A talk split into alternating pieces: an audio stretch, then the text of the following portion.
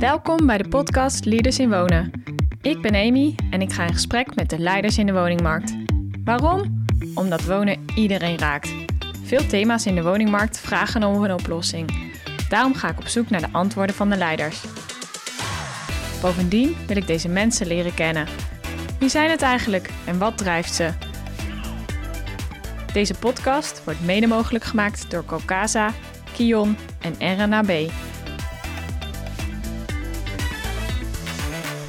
Vandaag ga ik in gesprek met Yassin Torunoglu, wethouder wonen, wijken, werk en ruimtelijke ontwikkeling van gemeente Eindhoven. Yassin is opgegroeid in Eindhoven en heeft na de MBO de HBO afgerond en vervolgens studeerde hij internationale bedrijfscommunicatie in Nijmegen. Hij startte zijn carrière bij de Jong Socialisten binnen de PvdA Amsterdam als landelijk bestuurslid, promotie en doelgroepen. Vervolgens ging hij werken als gemeenteraadslid van de PvdA. Yassin heeft daarna twee jaar als managementtrainee gewerkt bij Ascent en is in 2013 benoemd als wethouder voor de gemeente Eindhoven. Yassin is 39 jaar, getrouwd. Hij heeft een dochter en in zijn vrije tijd houdt hij van koken en reizen. Welkom bij Leaders in Wonen. Leuk om hier in Eindhoven in het stadhuis in gesprek te gaan met jou, uh, Yassin. Dankjewel. Voordat we starten over de woningmarkt, zou ik eerst uh, iets over uh, jouw carrièrepad willen vragen. Zou je me mee kunnen nemen in het pad wat je tot nu toe hebt bewandeld? Oeh, dat is een hele grote vraag die je stelt. Uh, ik ben uh, even de politieke lijn en dan uh, moet je daarna maar kijken of dat je meer wil weten. Ik ben op mijn 24e politiek actief geworden als raadslid en daarvoor was ik al maatschappelijk betrokken in de wijk waar ik woonde. waar we heel graag een trapveldje wilden, omdat wij ons als jeugd verveelden. En daar hadden we een heel fijn politieagent, meneer de Ridder, Jan de Ridder die ons heeft geholpen om bij de gemeente aan te kloppen om ervoor te zorgen dat er een trapveldje zou komen. En dat veldje hebben wij genoemd naar hem. Het heet, het, het Ridderveldje heet het. En iedereen van mijn generatie kent dat veldje, omdat we dat toen samen hebben gerealiseerd. En dat heeft mij maatschappelijk bewust gemaakt. Nou, en uiteindelijk kwam ik in 2006 als raadslid uh, uh, in de gemeenteraad. En uh, daarna in 2000 13 werd ik wethouder en nou, de rest is history. Ja, je zei dat is eigenlijk wel een basis geweest, dat trapveldje. Ja. Uh, zijn er andere dingen geweest die van invloed zijn geweest op de keuzes die je hebt gemaakt? Zeker. Um, ik, uh, ik was een uh, jongen die heel graag de vooroordelen wilde doorbreken. Want ik heb een migratieachtergrond en dan krijg je uh, althans in die tijd ook een, heel snel een stempel dat je in een bepaalde hok uh, uh, behoorde en dat je daartoe had te gedragen. En daar had ik niet zo'n zin in. Dus ik was er altijd wel een dwarse. en daardoor heb ik mezelf ook wel, om even een term van Rutte te gebruiken, me altijd ingevochten. En altijd op zoek gegaan naar gelijkwaardigheid en vanuit daar ook mezelf bewijzen. Want vaak ook wel onderschat geweest op wat ik zou kunnen. Dus dat heeft mij heel erg de drive gegeven, ook um, als wethouder, om echt te laten zien dat ik uh, uh, uh, een goed stel hersencapaciteit heb, waarmee ik maakt niet uit welk thema goed aan kan pakken.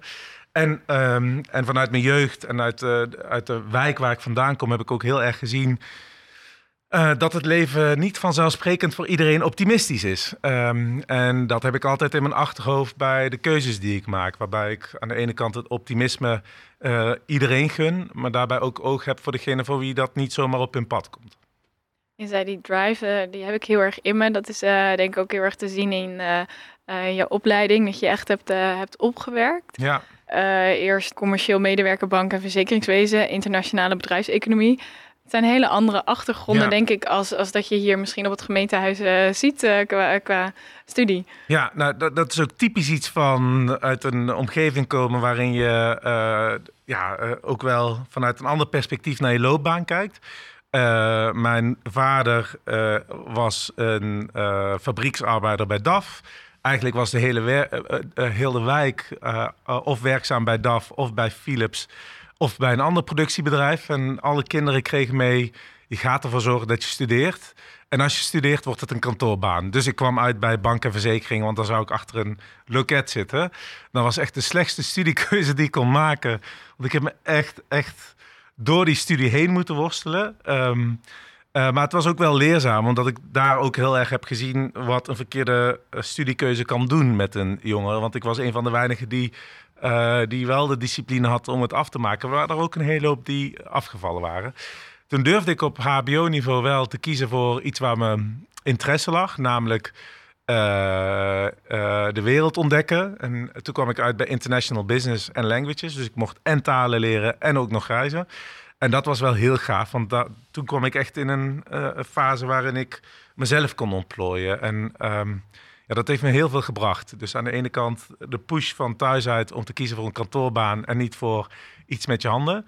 Uh, en daarna ook een keuze maken op basis van je eigen interesses. Ja, die twee werelden die, die hebben mij wel heel erg verrijkt en een stevige basis gevormd voor mij. En je zegt, um, of je hebt uh, lange tijd uh, binnen de gemeente nu al gewerkt. Waarom past de rol binnen de gemeente zo goed bij jou? Um, ik heb een enorme drive om maatschappelijke vraagstukken op te pakken. en dat heb ik ook als raadszit heel erg gedaan. Toen kwam ik heel erg op voor onderwijs. Uh, omdat ik zag dat mensen, eh, jongeren met een migratieachtergrond of met een sociaal-economisch kwetsbare positie, niet per se altijd uh, op waarde werden ingeschat. Er, er werd gekozen eerder voor de veilige weg dan voor de uitdagende weg. Ehm, en dat kost een hele hoop talenten. En daar heb ik me heel erg voor ingezet in mijn periode als raadszit. En de afgelopen jaren als wethouder heel erg maatschappelijk activistisch bijna op deze stoel van wethouder door me in te zetten om op die woningmarkt gelijke kansen te creëren. Maar ook te kijken hoe de leefbaarheid van de wijken op een goede manier uh, vorm krijgt, waardoor de jeugd en de mensen wel kansen krijgen, ondanks het feit dat ze misschien in een wat kwetsbaardere wijk wonen. Dus ik ben altijd wel uh, activistisch geweest, omdat ik graag op wil komen voor de, ja, de, de groep die niet vanzelfsprekend de kansen krijgt of de kansen weet te pakken die ze voor de kansen die ze te pakken krijgen als ze het voorgelegd krijgen. En je bent ook in aanmerking gekomen voor een zetel in de Tweede Kamer. Ja, was het een lastige keuze destijds? Nee, nee, nee. Het was voor mij echt een no-brainer. Ik was net een paar maanden wethouder. En ik had met mezelf afgesproken, ook ingegeven door de vooroordelen. Want niemand had gedacht dat ik. Uh, want ik, ik werd wethouder een jaar voor de verkiezingen van de gemeenteraadsverkiezingen. En mijn partij stond er toen al niet al te florisant voor, de PvdA.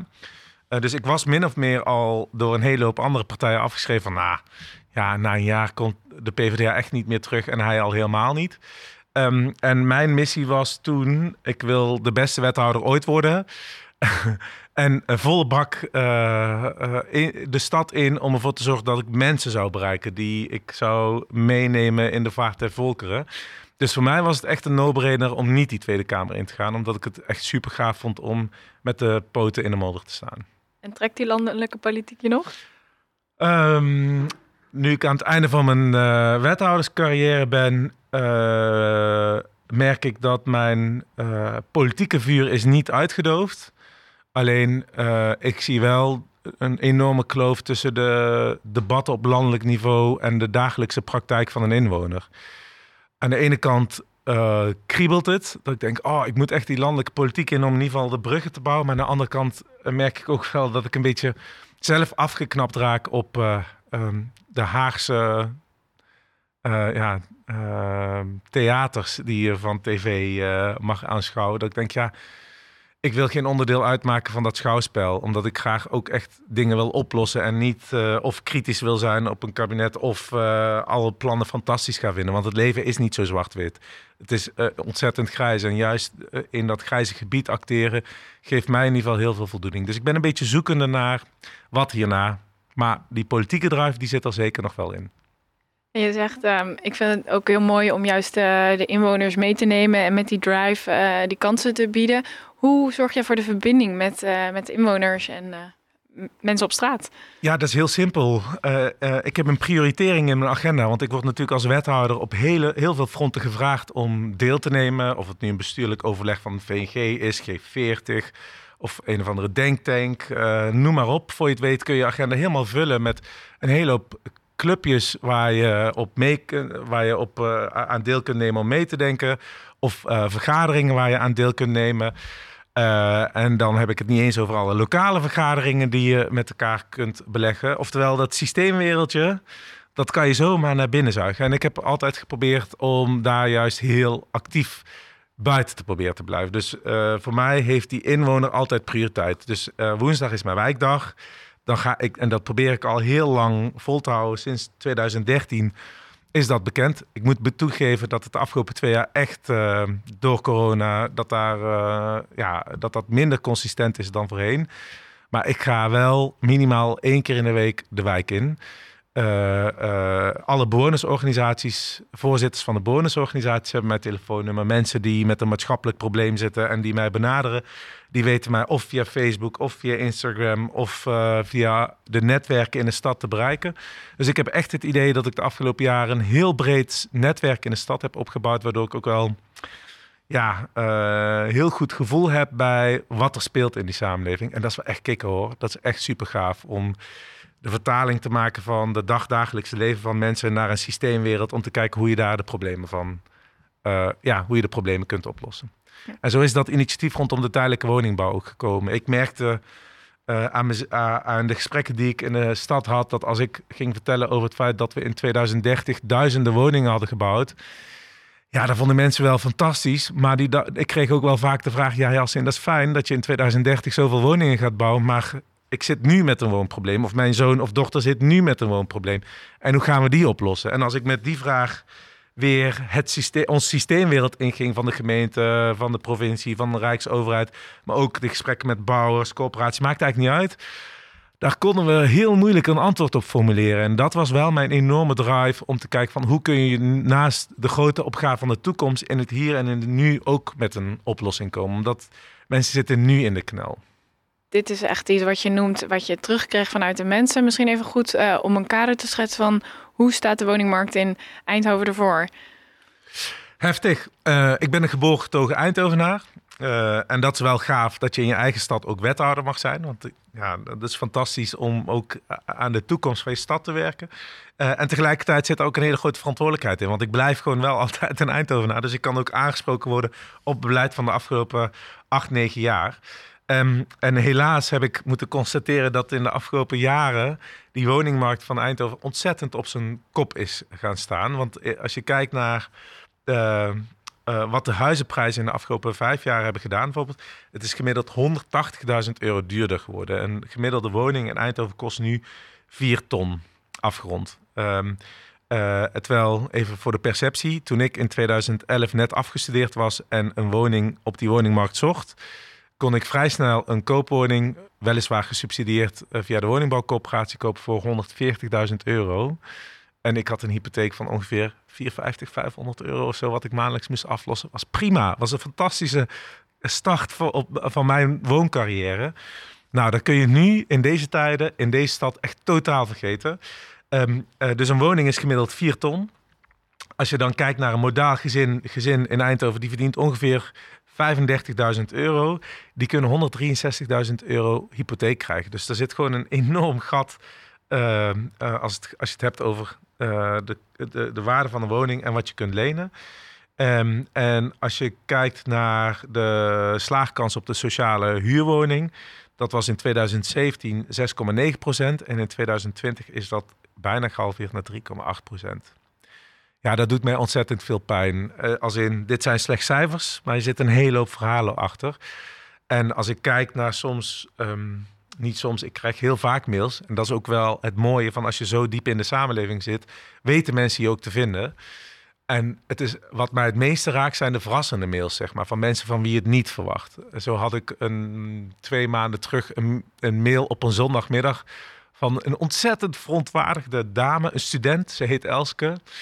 Um, omdat zij zo kwaad was over wat er gebeurde in, haar, in de woning waarin zij woonde. Uh, in de studentenwoning waarin zij woonde. Waar een, uh, waar een kamergenoot afgestudeerd was. Drie kwart jaar op zoek is gegaan naar een woning om ja, door te stromen. Is niet gelukt. Is noodgedwongen terug moeten verhuizen naar Os. Terwijl wij in deze stad de talenten willen binden. Omdat we ze hard nodig hebben voor onze economische ontwikkeling. Dus daar ga je al uh, mank. Uh, en vervolgens komt een kamer vrij die, wat was het nou, 14 vierkante meter voor 500 euro. Dat ook gewoon een belachelijke prijs-kwaliteit verhouding was. En dat daar in twee dagen 352 uh, reacties op kwamen. En dat ze zei van ja, en dan moet iedereen, moeten die 300 kandidaten of 350 kandidaten ook een uiterste best doen om op te vallen tussen de stapels aan reacties die er komen. Dus iedereen is wanhopig creatief aan het zijn. En wij als huisgenoten denken, ja, de kans dat je deze woning krijgt is minimaal. Ehm, dus het zijn alleen maar verliezers op dat moment. Ja, dat raakt mij wel. Omdat ik denk van ja, het is wel mijn stad. We willen die talenten in deze stad behouden. We willen jeugd de toekomst geven. Maar kijk eens wat de situatie op die woningmarkt is. En ja, uh, en dan probeer je je best te doen om binnen je beïnvloedingssfeer de, de, de, urgentie van de woonproblematiek aan te kaarten. Maar aan de andere kant ook daadwerkelijk uh, dingen op te pakken waarmee het wat, ja, uh, het probleem wat probeert op te lossen. Maar de woningmarkt, al met al, is in Eindhoven echt ongekend veranderd. Deels door landelijk beleid, maar deels ook door onze economische groei. ben ik wel benieuwd, wat zijn de stappen die je dan als wethouder kan maken? Wat we proberen is het bouwproces te versnellen. Nou, dat probeert heel Nederland. Dus daarin uh, zijn we niet uniek. Maar we proberen wel te leren van andere steden, maar ook zelf dingen te ont ontdekken. Uh, we proberen zoveel mogelijk de productie uh, te verhogen. Dus ook in de komende jaren, zodat je echt ook wel ja, duizenden woningen erbij gaat krijgen. En dat gaat ook wel lukken. In de piek verwachten we in 24, 25, 26. Dus onze inspanningen van de afgelopen paar jaar hebben op middellange termijn echt wel uh, hoopvolle resultaten die op ons af gaan komen. Dus daar ben ik echt wel, ja, daar kijk ik wel naar uit. Um, en waar we het net over hadden, uh, juist met dit soort verhalen, uh, en ik heb er echt meerdere, ook een ander verhaal wat me heeft geraakt, is van een moeder waarvan het zo'n noodgedwongen naar België is verhuisd, terwijl het gewoon een Eindhovenaar is. Ja, dat wil ik echt niet in mijn stad. Uh, is dat, dat we ook kijken van oké, hoe kun je op korte termijn interventies plegen. Dus dat is waar, waarom ik zo super uh, ja, blij ben met onze aanpak rondom de tijdelijke woning, of ja, de verplaatsbare woningbouw. Zo moet ik zeggen, op tijdelijk geplaatst op bepaalde braakliggende terreinen in de stad. Ja, we hebben in acht maanden tijd 300 studentenwoningen uit de grond gestapt. Uh, we zijn nu bezig op uh, de Castillelaan. Dat is een stuk braakliggend grond waarvan we dachten dat is een toekomstige strategische ontwikkellocatie. Waarvan wij gezegd, ja, ja, daar kun je nog heel lang mee wachten. Of je kunt het gewoon nu verzilveren door daar gewoon 700 woningen mogelijk te maken. In binnen, wat is het, twee jaar of zo, dat daar die woningen gaan komen. En zo zijn we nog steeds bezig om te kijken naar, zijn er nog um, onbenutte plekken die we in kunnen zetten om zo snel mogelijk tijdelijke woningbouw uh, te realiseren. Wat, wat, verwacht je daarvan? Uh, hoeveel, hoeveel, onbenutte plekken zijn er mogelijk nog? Uh, er zijn er volgens mij wel duizenden. Ja, oh, zoveel. alleen het vergt wel politieke keuzes. En dat is soms heel lastig. Kies je voor het groen of kies je voor een urgentie van de woningbouw? Kies je voor uh, het intact houden van de milieuzonering? Of kies je voor de, uh, voor de urgentie van de woningbouw? Zo hebben wij echt op heel veel plekken, heel veel dilemma's. En politieke keuzes die gemaakt moeten worden. In ieder geval is mijn doel om in deze coalitieperiode nog extra 500 uh, plekken te benoemen. waarvan we zeker weten dat we er minimaal 500 extra kunnen uh, toevoegen aan tijdelijke woningbouw. En dat moet dan, naar mijn mening, ook echt binnen een jaar gerealiseerd worden. Want anders is het geen korte termijn interventie. Maar ik hoop uh, dat we dat uh, de, politieke discussie, maar ook de maatschappelijke discussie, iedereen een besef gaat geven dat de, uh, het probleem op de woningmarkt niet een probleem is van alleen een woningzoekende, maar een probleem is van ons allemaal. Het is echt een maatschappelijk probleem. En dat betekent dat we allemaal een beetje water bij de wijn moeten doen. En als we die bereidheid hebben, dan denk ik dat er echt ook wel meer dan die 500 woningen toegevoegd kunnen worden in de stad in de, in de komende twee, drie jaar, zeg maar. Dus ja, daar ben ik heel hoopvol op. En hoe krijg je dat voor elkaar? Want ik kan me voorstellen als je al een huis hebt, dat je denkt, nou, ik, uh, ik zie mijn waarde van het huis uh, steeds verder stijgen. Ja. Ik zit eigenlijk prima. Hoe kan je ervoor zorgen dat het ook echt een gedragen probleem wordt door iedereen? Nou, wat ik probeer is uh, woonverhalen op te halen. Uh, situaties van mensen op te halen die in schrijnende situaties zitten. Uh, of, uh, en daar dan ook, dat dan ook breder te vertellen. omdat iedereen dit soort verhalen herkent. het hoeft niet per se in je directe leefomgeving te zijn, maar al is het een neef, een kennis of een dochter of een zoon van een kennis. de buren die problemen hebben. Iedereen kent echt wel iemand die een, een woonverhaal heeft wat ja, schrijnend is. Uh, en juist uh, door dat soort verhalen uh, symbolisch te maken voor de maatschappelijke opgave, denk ik dat je de, ehm, de bereidheid bij mensen kunt vergroten om ook inderdaad in, op dat treintje achter wat nu leeg staat, die verplaatsbare woningen voor de tijdelijkheid toe te laten of, of open te staan voor verandering, dat daar permanente woningen komen. Ik denk dat we de discussie over de woningbouw meer moeten depolitiseren en veel meer maatschappelijk moeten maken. Omdat het probleem niet meer alleen politiek is. Er is ook gewoon een heel groot maatschappelijke opgave. Want ja, ik, ik vergelijk het soms ook met een Tetris-spel. We hebben heel veel mensen die een plek nodig hebben. En, uh, en de blokjes moeten precies goed vallen. Om, uh, om binnen die bestaande stad te kijken hoe je zoveel mogelijk mensen kunt huisvesten. Zonder dat je afbreuk doet aan de wooncomfort van een ander. Alleen uh, als je aan het begin van het spel bent, heb je heel veel tijd om die blokjes nog af en toe een beetje te veranderen en te kijken wat past nu hier. Maar we zitten nu in een fase waarbij die blokjes heel snel naar beneden vallen, omdat de urgentie op die woningmarkt ontzettend groot is. Ja, dat vraagt dan wel echt om een andere manier van afweging maken. En dan moet je wel um, de bereidheid van iedereen vinden. Dus van de woning, uh, van een uh, buurtbewoner, ook van een woningbouwcoöperatie, maar ook van een projectontwikkelaar, ook van een lokale overheid, maar, en ook van een landelijke overheid die echt in deze tijden van crisis fundamenteel anders met elkaar gaan samenwerken.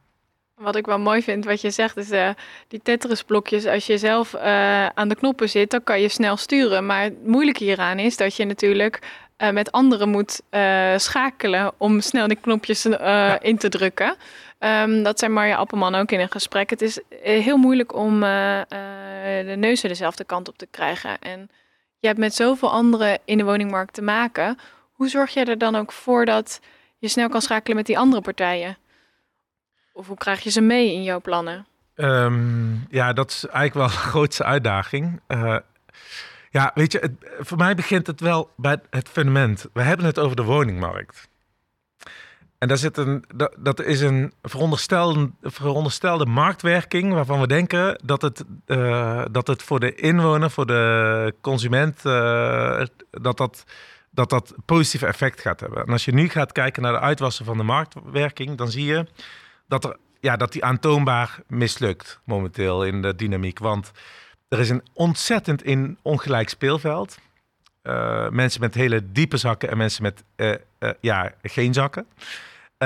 je ziet dat het leidt tot uh, prijsopdrijvende werking uh, en ook helaas heel veel speculatieve aankopen. Dus we zijn bezig met de toekomstige hypotheken onder water te creëren met elkaar. Terwijl toen ik net 2013 wethouder was, zaten we midden in de crisis. En uh, het was een enorm probleem, want mensen gingen scheiden en zaten met hypotheken onder water. Ontwikkelaars vielen om, bouwers vielen om, et cetera.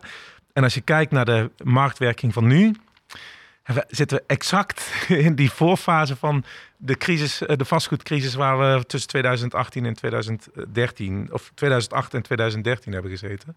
Dus mijn fundamentele statement is dat we af moeten van marktwerkingsdenken en toe moeten naar een naar volkshuisvesting. Het is een maatschappelijk probleem waar we echt uh, regie op nodig hebben vanuit de overheid. En het klinkt gek, maar ook als lokaal bestuurder vind ik dat uh, de Rijksoverheid daar echt een hele belangrijke rol in heeft te spelen. Aan de ene kant door scherpe prestatieafspraken te maken met lokale overheden. De provincies op een heldere manier te positioneren, zodat het ook duidelijk is welke rol de provincie heeft. Maar de lokale bestuurders, dus ook de wethouders, uh, veel meer instrumenten in handen geven om een lokale woningmarkt ook aan te kunnen sturen. Want ik moet het vaak wel hebben van of een privaatrechtelijke overeenkomst die ik maak met een ontwikkelaar waarin ik een woonprogramma afspreek. Of met mijn instrument van grond, waarbij ik zelf uh, voorwaarden kan uh, uh, opstellen voor de verkoop van een, voor, voor verkoop van een stuk grond. Of van de overredingskracht die je nodig hebt om met de uh, woningbouwcoöperatie uh, tot prestatieafspraken te komen. En dat is soms heel ingewikkeld, want dat gelijke speelveld is gewoon heel ingewikkeld, omdat ja, ik als lokale bestuurder word aangekeken op de, op de prestaties van een woningbouwcoöperatie. En als er één ding is waar ik geen invloed op heb, is de prestatie van een woningbouwcoöperatie. Als de ene coöperatie het lekker rustig aan wil doen, omdat ze denken, ja, het is onverantwoord om in deze dure tijden zoveel te investeren in een onrendabele top van een sociale huurwoning is een hele legitieme argumentatie van een woningbouwcoöperatie om te zeggen: ik sla deze eh, ronde even over. Versus een andere woningbouwcoöperatie die denkt, ja, dit is het moment waarop ik in moet spelen op de maatschappelijke opgave en ik ga mee met die wethouder. Daar heb ik nul invloed op als lokale bestuurder. En dat is wel echt een probleem. Dus ik vind uh, dat we moeten redeneren van, hé, hey, we hebben een groot maatschappelijk probleem. Dat is het probleem op de woningmarkt. Dat betekent dat we daar ook ja, volkshuisvestelijk iets mee moeten. Dus ik ben echt voor een strakkere sturing vanuit de overheid, heldere rolverdeling tussen de verschillende overheden, maar ook een heldere sturing richting de markt en de woningbouwcorporaties. En daarnaast helpt uh, geld daarin ook. Nou, dat is sowieso dat is een tweede belangrijke opgave. Want uh, we vinden het allemaal belangrijk dat we in deze tijden waarin duurzaamheid uh, ja, een heel belangrijk hot item is, omdat we de toekomst van onze kinderen ook graag zo comfortabel willen houden als wat we al die jaren zelf hebben gehad. Dus ik ben absoluut uh, voor het behoud van het groen. Dus ik ben tegen zomaar nieuwe uitleglocaties benoemen. want ik vind echt dat we ook impactvol moeten investeren in moeder natuur. Um, maar dat betekent wel iets voor, je, uh, voor de andere manier van uh, stedelijke ontwikkeling. Dat betekent dat we moeten optimaliseren in die bestaande stad. En als je dat Tetris-spelletje erbij pakt weer, ja, dat, dat is echt passen en meten. En dat is simpelweg duurder. Uh, en als je het niet goed doet, duurt het ook nog eens een keer langer.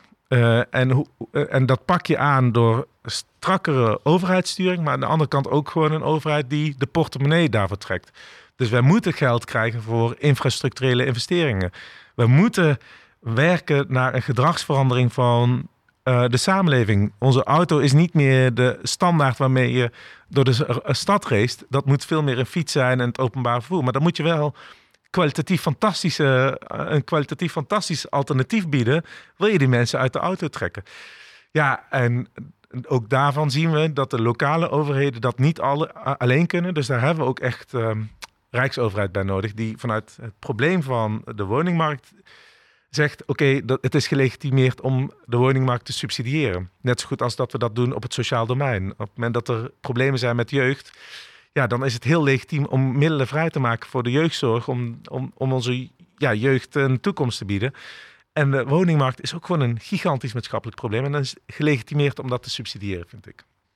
Jullie hebben nu voor de derde ronde van de woningbouwimpuls van het uh, ministerie van Binnenlandse Zaken ook uh, een mooi uh, bedrag gekregen. Um, kan je me iets meer vertellen wat je met dat bedrag kan doen? Of waarop is dat bedrag gebaseerd? Of um, de hoogte daarvan? Kan je me meenemen in zo'n traject en wat dat dan betekent voor, voor de stad Eindhoven in dit geval? Um, ik ben ontzettend blij met die woningbouw-impulsmiddelen. Echt, uh, het, het heeft ons de afgelopen jaren geholpen om bepaalde projecten um, betaalbaar uh, gerealiseerd te krijgen. Door, um, uh, door te kijken naar hoe kun je nu de onrendabele top gesub gesubsidieerd krijgen.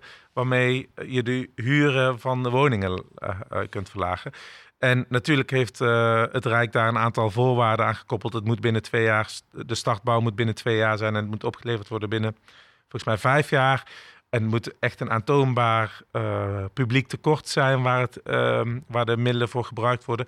Dus daar vallen al van, uh, ja, een, er ontstaat al een natuurlijke selectie. Um, en vervolgens kijk je naar de plekken waar je graag betaalbaarheid wil realiseren. En mijn agenda was heel erg uh, gericht op hoe kun je nou op die AAA-locaties ook inclusiviteit realiseren. Want inclusiviteit, daar hebben we allemaal onze mond vol van.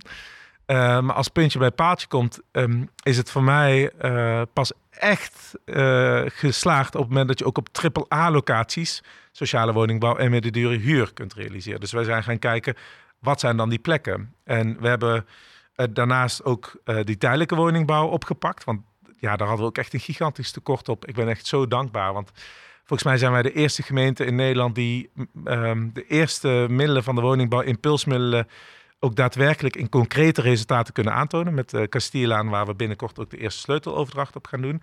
Maar die andere projecten zijn um, in de binnenstad of op Strijp S. Um, uh, waarbij we uh, op Strijp S bijvoorbeeld het geld wat we nu in de laatste tranche hebben gekregen, gaan gebruiken om in de volle breedte van de laatste ontwikkeling van Strijp S te kijken, oké, waar kunnen we de uh, betaalbaarheid van woningen vergroten door extra sociale woningbouw toe te voegen of door middendure huurwoningen toe te voegen. Uh, en in de binnenstad, met name rondom het station op Knoop XL, gaan we de middelen vooral gebruiken om die infrastructurele aanpassingen te doen, waardoor de onrendabele top wat lager wordt, waardoor je ook scherpere afspraken kunt maken op de betaalbaarheid van de middendure huurwoningen die we daar gaan realiseren. Ja, daar ben ik super trots op, omdat je daarmee Ehm, de samenleving ook laat zien dat de ontwikkelingen die we voor ogen hebben in die bestaande stad niet gericht zijn op de speculanten uit China uh, of Midden-Oosten of weet ik veel waar, Rusland of watsoever. Wat je ziet in Amsterdam, dat dat ja, de duurdere plekken zijn waardoor het ook speculatief aangekocht wordt. Maar dat, het echt dat er echt gebouwd gaat worden voor die gewone man. Dat Jan Modaal ook gewoon in een vet gebouw in die binnenstad kan wonen. Um, ja, dat is wel mijn missie met die woningbouw-impulsmiddelen. En ja, so far so good. Je noemde alle speculanten. In hoeverre gaat de opkoopbescherming uh, je ook helpen?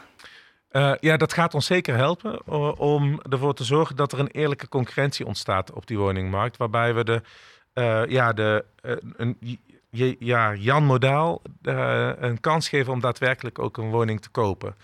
Um, en dat heeft vooral betrekking op de bestaande stad. Dus waar we het net over hebben gehad, dat gaat echt over de, de stad die we gaan ontwikkelen.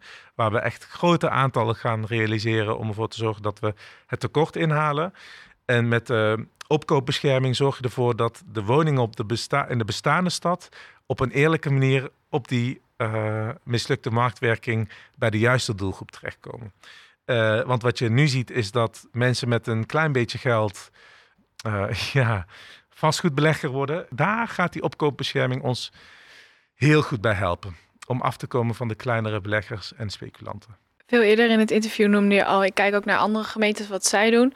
Wat heb je uh, gezien bij andere gemeentes waarvan je denkt, oh, daar wil ik ook nog wel iets mee? Of dat vind ik nou echt een mooi voorbeeld uh, um, wat mij inspireert? Dat is een moeilijke vraag, omdat er heel veel uh, gemeentes zijn die echt ook wel super gave dingen doen. zo eh, vind ik het heel interessant dat in de, de vier grote steden al langere tijd overleg wordt gevoerd met die hele keten van uh, bouwen. Dus met beleggers, met bouwers, met corporaties. Om te kijken van hoe kun je nu met elkaar een soort langjaar traject in, waarbij je afspraken maakt dat je door crisis heen kunt investeren en kunt blijven bouwen. Omdat daar ook de echte oplossing ligt van die woningmarkt. Um, het is echt een bipolaire stoornis waar de woningmarkt last van heeft. We hadden eerst een crisis waarbij alles op zijn gat lag. En nu hebben we een crisis omdat, we, omdat alles tegelijkertijd moet. En hoe kun je voor die stabiliteit zorgen? Daar, dat leer ik van de vier grote steden. Uh, en zo zijn er ook een uh, aantal andere steden die bijvoorbeeld een 100 dagen principe hebben afgesproken. Dus dat je echt een soort pressure cooker sessie hebt, dat je in 100 dagen een vergunningverlening uh, kunt realiseren. Um, en een ander belangrijk punt waar wij zelf ook proberen een koploper in te zijn. En wat ik ook zie, waar ik echt ook wel een beetje kijk van hoe doen andere gemeentes dat, is uh, hoe zorg je voor een goede omgevingsdialoog. Waardoor er een goede politieke belangenafweging plaatsvindt. Waardoor je wat minder vaak naar de rechter of naar de Raad van State toe gaat. omdat, je, omdat we naast alle technische elementen van wat je moet regelen op de woningmarkt, er ook een hele grote uh, softe kant zit, namelijk de veranderingsbereidheid van de buurtbewoner. En dat krijg je alleen voor elkaar op het moment dat je op een goede manier participatie organiseert, waarbij het heel duidelijk is wat het proces is wat doorlopen gaat worden, waarbij het duidelijk is wie welke rol heeft, waarbij de ontwikkelaar uh, uh, omgevingssensitief is, zodat hij ook weet op welke manier hij dat gesprek aan moet gaan met de buurt, maar dat het ook tussen zijn of haar ogen zit, oren zit, dat je ook daadwerkelijk oprecht moet luisteren naar die buurtwoner. En dat daar wel degelijk ook een verrijking van je plan kan komen in plaats van dat het de kostenpost wordt. Uh, en dat, uh, dat proces, daar probeer ik ook heel goed naar andere gemeentes te kijken.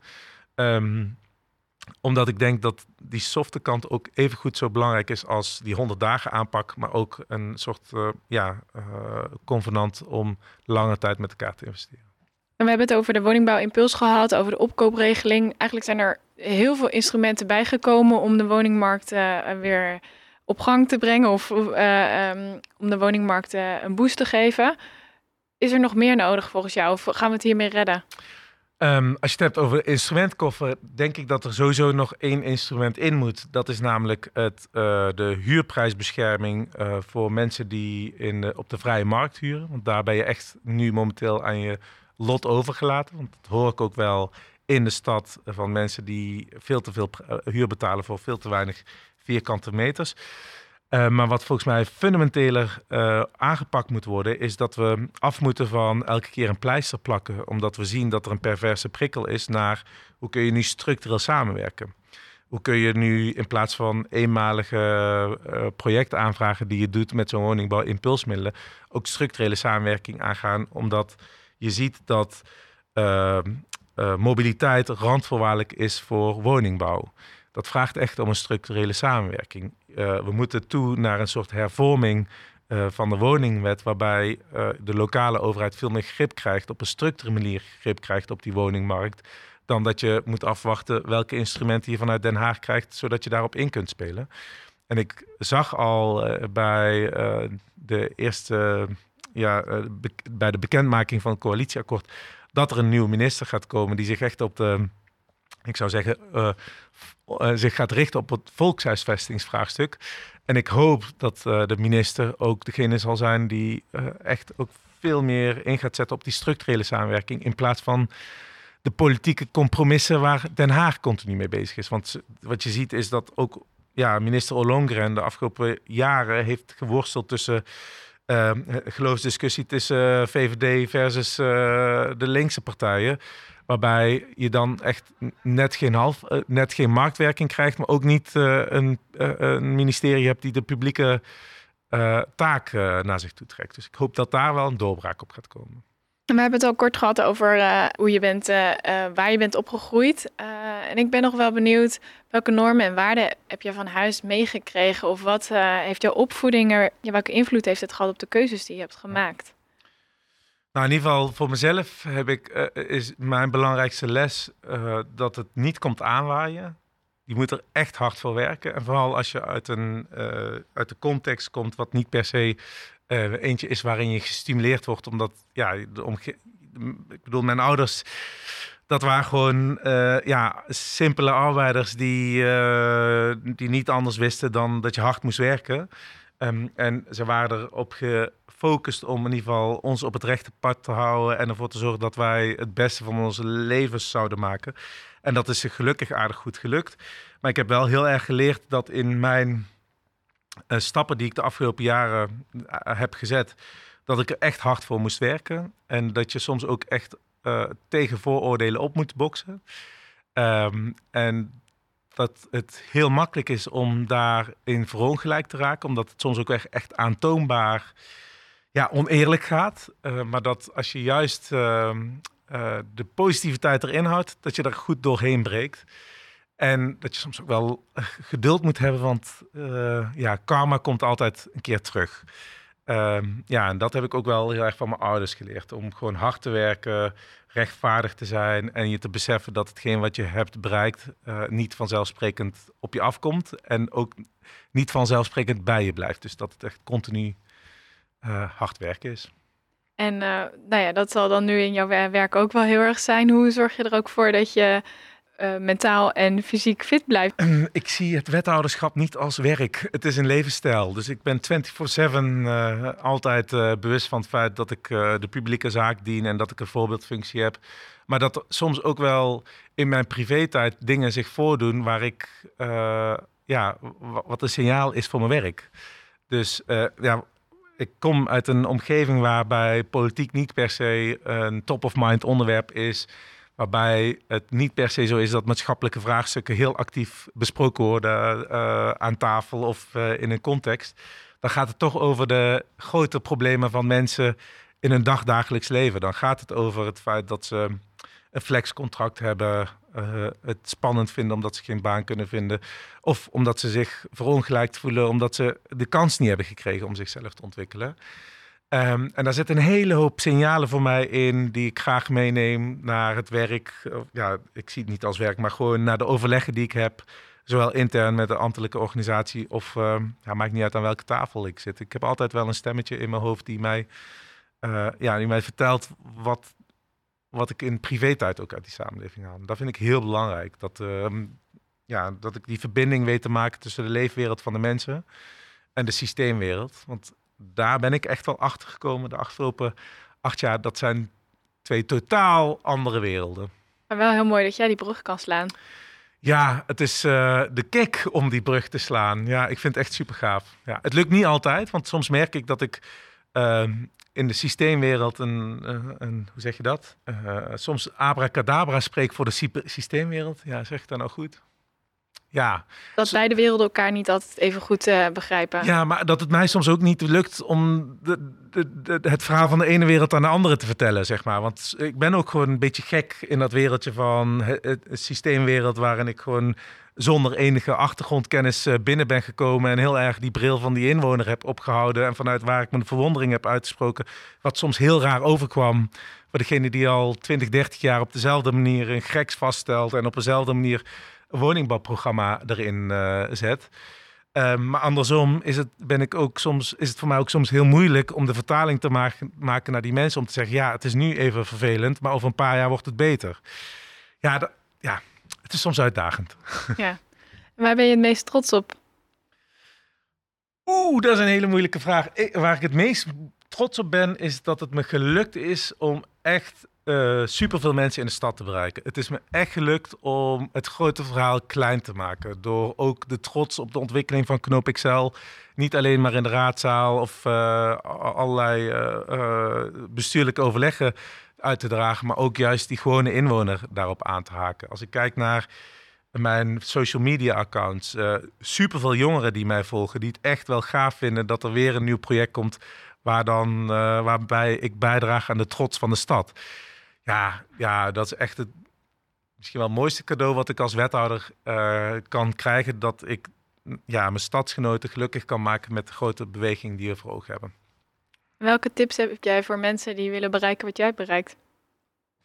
Hard werken, niet opgeven, positief blijven. Ook als je soms eh, denkt dat het uh, niet gaat lukken. Want uiteindelijk, ja, de aanhouder wint en volhouden. Soms twijfel je aan jezelf dat je het echt aan het rechte einde hebt. Maar als je, als je echt overtuigd bent dat het een bepaalde kant op moet gaan, dan, uh, ja, dan lukt dat door vol te houden. Mooi. Um, ik heb nog een uh, doorgeefvraag voor Onno Dwars, CEO van uh, Ballas Nedam Development. Welke vraag zou jij hem willen stellen? Ik weet van Onno dat het een uh, persoon is die zich heel hard maakt voor uh, de, de versnelde verduurzaming van het bouwproces en daarmee dus ook uh, ja, duurzaam wonen. de vraag die ik hem zou stellen is: welke uitdaging ziet hij in gedragsverandering van mensen? Want je kunt misschien een woning wel heel duurzaam bouwen. Maar als mensen hetzelfde gedrag vertonen wat ze altijd hebben gedaan, dan ben je er niet. En of dat hij daarover heeft nagedacht. En dan wil ik je vragen om de volgende zin af te maken. Wonen in 2030. Is sowieso betaalbaar wonen, is duurzaam wonen en uh, wonen op vette locaties in de binnenstad. Want de komende jaren gaan wij hier in ieder geval in Eindhoven een hele hoop mooie uh, gebouwen toevoegen. En allemaal op, in de bestaande stad. En dat worden echt gave locaties waar je betaalbaar, duurzaam en vet kunt wonen. Dankjewel voor dit leuke gesprek. Ik vind het super mooi om te zien dat je echt een bruggenbouwer bent uh, en die verbinding heel erg zoekt. En dat uh, het ook blijkt dat je um, iedereen mee kan krijgen daarin. Maar uh, ja, als ik de energie tegenover me ziet, dan ja, als ik dat zo zie, dan kan ik me er ook goed bij voorstellen dat iedereen graag met je mee wil in de plannen die je hebt. En um, ja, zeker de locaties in de stad, om, om te kijken hoe die divers um, bewoond kunnen worden en ook betaalbaar. Um, ja, daar maak je je hard voor. En dat is ja, super mooi om te zien. Dank je wel voor, voor je tijd. Jij bedankt voor de interesse. Ik ben heel benieuwd hoe mensen naar deze podcast gaan luisteren. Maar de feedback krijgen we vanzelf. Ik vond het ontzettend leuk om hier aan bij te Dankjewel. Leuk dat je luisterde naar de podcast Leaders in Wonen. Voordat we afsluiten wil ik graag de partners van deze podcast bedanken. Calcasa, Kion en RNAB. Vergeet je niet te abonneren bij Spotify of Apple. Tot de volgende aflevering.